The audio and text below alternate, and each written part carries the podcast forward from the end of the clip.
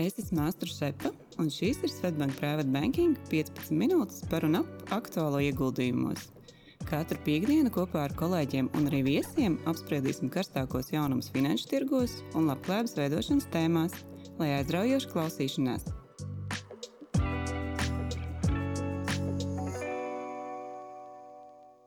Sveiciens privātu banking klientiem! Šodienas epizodē ir pievienojies arī vecākais privātu banķieris Sergejs Labors. Šodien, kā ierasts mēneša pirmajā epizodē, runāsim par to, kas ir noticis pasaules uh, finanšu tirgos māja mēnesī. Un, ja tā sasumē divi karstākie notikumi finanšu tirgos mājā, tad viens ir saistīts ar mākslīgās inteliģences izrāvienu saistītu rallija pusvadītāju un arī Big Tech akcijās. Un otra lielā ziņa, kam sekoja visa pasaule, bija ASV parādu griestu tēmu par ko Sergejs varētu pastāstīt daudz detalizētāk.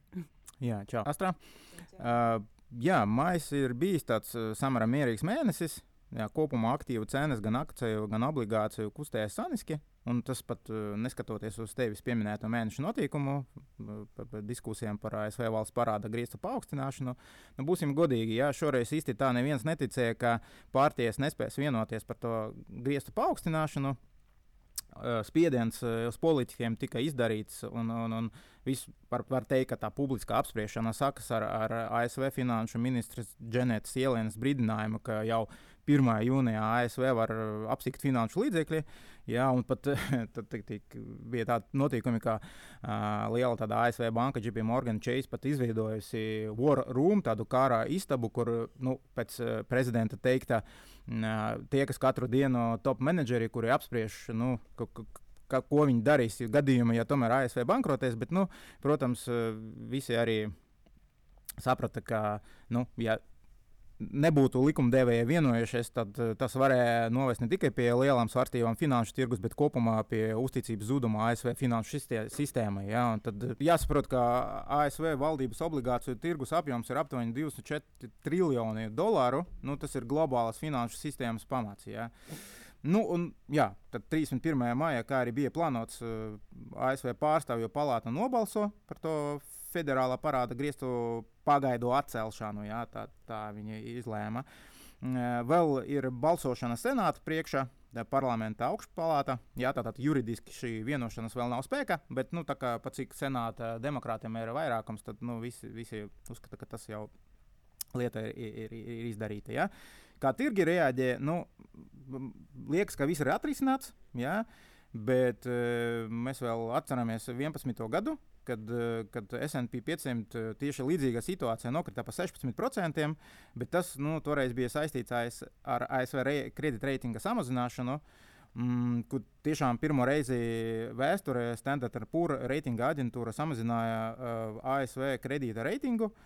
Uh, un tad, tad pagāja divi mēneši, lai akcijas atgūtu zaudējumus, kas nu, radušies tieši reitinga sam, samazināšanas rezultātā. Uh, interesanti, nu, tad, tad to laiku sākumā Standard Poor's brīdināja par, par to, ka varētu samazināt reitingu un, un, un nomainīja Outlooku to prognozi uz negatīvu, sākumā atstājot AAA reitingu un tad samazināja. Uh, Un šo, šogad, tieši 24. māja, pagājušā pagājuši nedēļa, Fitch arī nomainīja prognozi uz negatīvu un arī nu, brīdināja ASV, ka varētu samazināt reitingu, bet nu, eksperti uzskata, ka šoreiz tā nebūs. Uh, līdz ar to tirgi reaģē mierīgi. SP 500, ja nemaldos, nu, tur rezultāts māja ap, ap nulli. Jā, nedaudz. jā, tur drīzāk jāskatās, kas notiek obligāciju tirgu.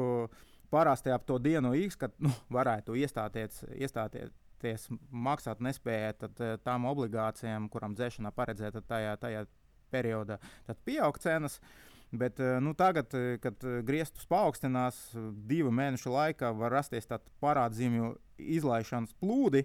Jā, kad nu, aptuveni 700 miljardus valsts kase vēl va varētu papildu piesaistīt. Un, protams, tā ir iespēja obligāciju investoriem nopirkt drošas parādzīmes ar nu, diezgan augstu ienesīgumu. Jā, tā, kā jau teicu, akciju tirgus viss ir mierīgi, bet eh, jā, ir, ir vien, viens sektors ASV, kad, kas piedzīvoja šogad un mājā arī ļoti lielu aizņēmumu akciju cenu pieaugums, kuram bijis. Tā, tas ir tehnoloģiskā un IT uzņēmumu sektors. Un līderi SP 500 ir Nvidia, AMD. Broadcom, Tesla un Netflix. Jā, un pieminot tevis pieminēto Nvidia, tad šī bija ļoti, ļoti daudzās ziņās. Man liekas, katru dienu Bloombergā bija, kad Nvidia māja mēnesī iekļuva vienu triljonu uzņēmumu novērtējumu klubiņā, kur līdz šim bija tikai pieci uzņēmumi, četri ASV tehnoloģijas giganti un arī Saudārābijas naftas kompānija Saudi Aramco. Un, uh, principā, 25. maijā tas uzņēmuma novērtējums vienā dienā Nvidija pieauga par 27%, jau 219 miljārdiem dolāru, kas arī vēsturiski tur bija izdevies tikai nu, vairāk kā principā 200 miljardu pieaugumu vienā dienā iegūt bija tikai Amazon un Apple. Un kas bija tā pamatā? Protams, jā, jau pieminētā iepriekš šī mākslīgās inteliģences joma, lielais pieprasījums pēc Nvidia ražotajiem H100 procesoriem, kas ir šobrīd lielā pieprasījumā mākslīgās inteliģences nozarē. Un, principā, jā, nu, tas galvenais pamats tieši 25. māja dienas laikā iegūtiem akciju vērtību pieaugumam uh, bija daudz, daudz labākas prognozes otrā ceturkšņa apgrozījumam nekā bija sākotnēji domāts. Principā bija prog pirms tam prognozēts, ka otrā ceturksnī nu, tas kā, varētu sasniegt apgrozījumu 7 miljardu. Tagad tā prognoze tika uzlabots 11 miljardiem, un attiecīgi nu, šis arī lielais rallies, kas bija gan, gan vidējā, bet principā no tā ieguva visa, visa pusvadītāju nozara. Uh, ir tāds indeks, kas trako tieši pusvadītāju ražotājs, Filadelfijas Semiconductor indeks, kas seko, ka 30 pasaules lielākajiem pusvadītāju ražotājiem, tas pēdējo nedēļu uzkāpa pēd, augstākajā līmenī pēdējo 14 mēnešu laikā. Un, nu, principā, jā, Nvidia un viss šī nozara tiek pielīdzināta zelta drudžu laikiem, un Nvidia un citi šie pusvadītāji ražotāji tiek, tiek pielīdzināti lāpstu tirgotājiem, kas nodrošina šo tehnisko pusi. Jā, es paskatījos arī mūsu Svetbanka Roboru Technology fonds eh, šogad eh, perfekti performē, plus 31% no gada sākuma, arī, arī no darbības sākuma no 11. gada plus 24%. Nu, tad nav, nav, nav nekāds pārsteigums, ka, ka kā tāda laba atdeve. Jā, tā kā Roboru Technology izcils sniegums arī, jā, un, un otrs arī, kad, kad pieminēja starp lielākajiem ieguvējiem bija Broadcom, tad, protams, jā, Broadcom iegūst, nu, viņš arī ir pusvadītāja ražotājs, gan iegūst no šīs augtā zelta druģa. Otrs arī māja mēnesī Apple paziņoja, ka viņi ar Broadcom ir panākuši vienošanās, ka uh, šis pusvadītāja ražotājs piegādās um, Apple 5G komponents, un tā ir daļa no Apple 21. gada apņemšanās tuvāko 5 gadu laikā iepirkt vairāk tieši šīs komponentes no ASV ražotājiem.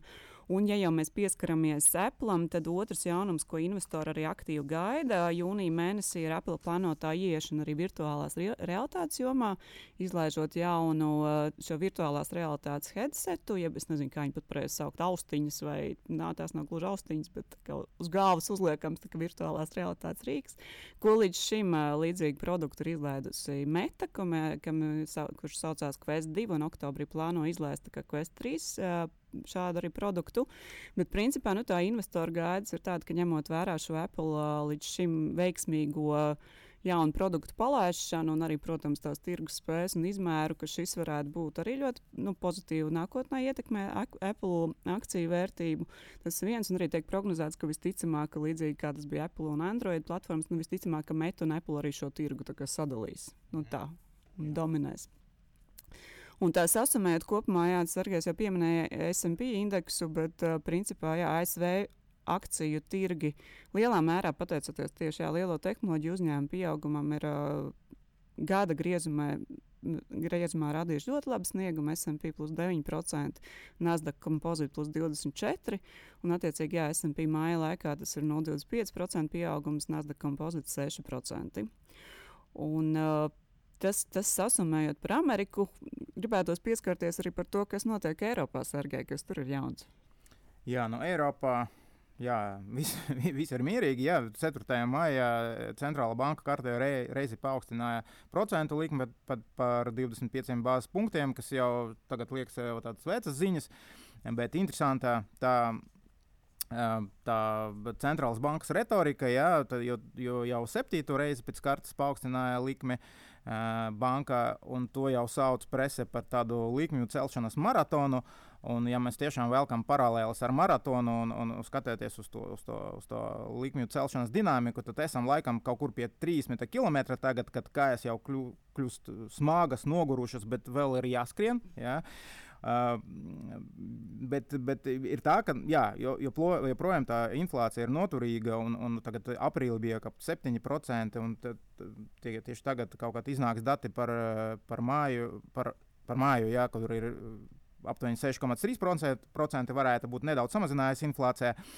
Uh, bet uh, ECB, gan Kristīna Lagarde, prezidente, gan uh, Citi locekļi uzsver, ka viņu mērķis, mērķis tomēr ir inflācija 2%, ne vairāk un ne mazāk. Uh, viņi vēlās šo mērķi sasniegt, sasniegt pēc iespējas ātrāk, pat ja būs jāpieņem nepopulāri un, un sap, sapīgi lēmumi. Ja?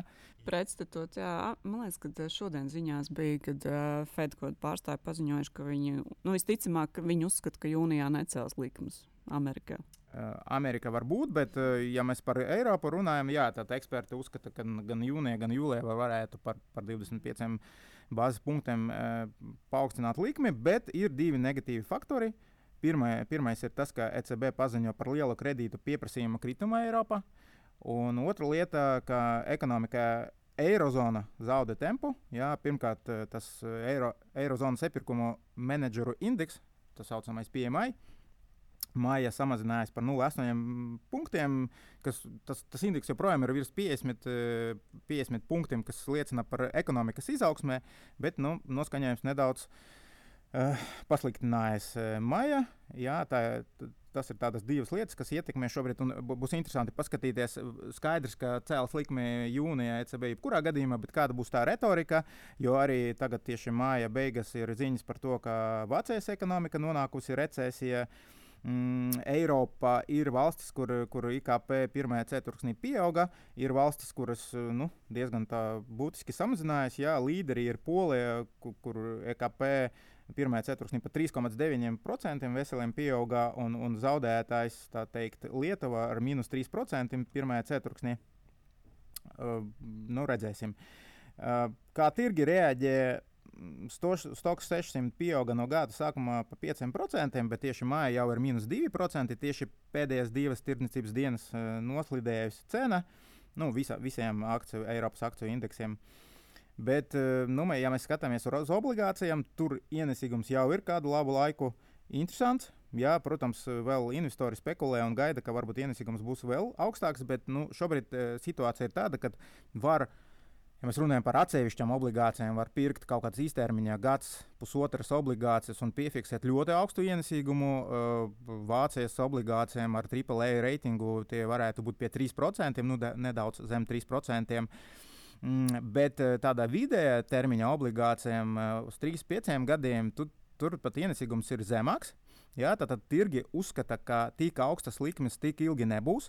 Tāpēc tad, e, investoram jālēm, vai tagad piefiksēt maksimālu ienesīgumu un, un nopirkt īsas obligācijas, Bet ko tad darīt ar to naudu pēc gada, pēc pusotra? Ja? Vai arī ieguldīt uh, vidējā termiņa obligācijas, piefiksēt nu, pietiekami augstu ienesīgumu un tad nu, uz, uz 3-5 gadiem uh, labi ieguldīt līdzekļus. Jā, mēs arī redzam, ka augot šo interesē par obligācijām, arī pieminot šos pašus robotu fondus, tad īstenībā šogad, ja skatāmies tieši mūsu klientu, private banking klientu starpā, tad uh, vispopulārākais ir tāds tā kā robotu corporate bond Europe fonds. Jā, jā nu, tur pārsvarā arī ir obligācijas ar termiņu 5 gadi. Mm. Jā, tāds optimāls uh, ieguldījums vidējā termiņā.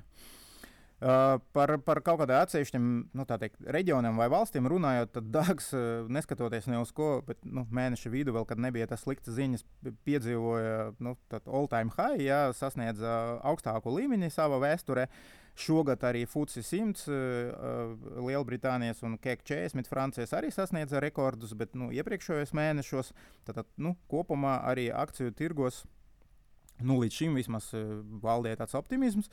Uh, par Franciju, starp citu, runājot, tur. Um, Francijas ekonomikas ministrs, kā viņš saka, ļoti, veids ļoti ciešas diskusijas ar kredītreitinga aģentūru Standard Poor, jo tā, tā piedraudēja arī samazināt Francijas reitingu, kurš šobrīd ir AA. Bet ar negatīvu prognozi. Bet tas netraucēja Francijas akciju indeksam, ka 40 performēt no gada sākuma tie 7%. Nu, Māja gan jau ir minus 3%. Atkal pēdējās tirdzniecības dienas tas notika.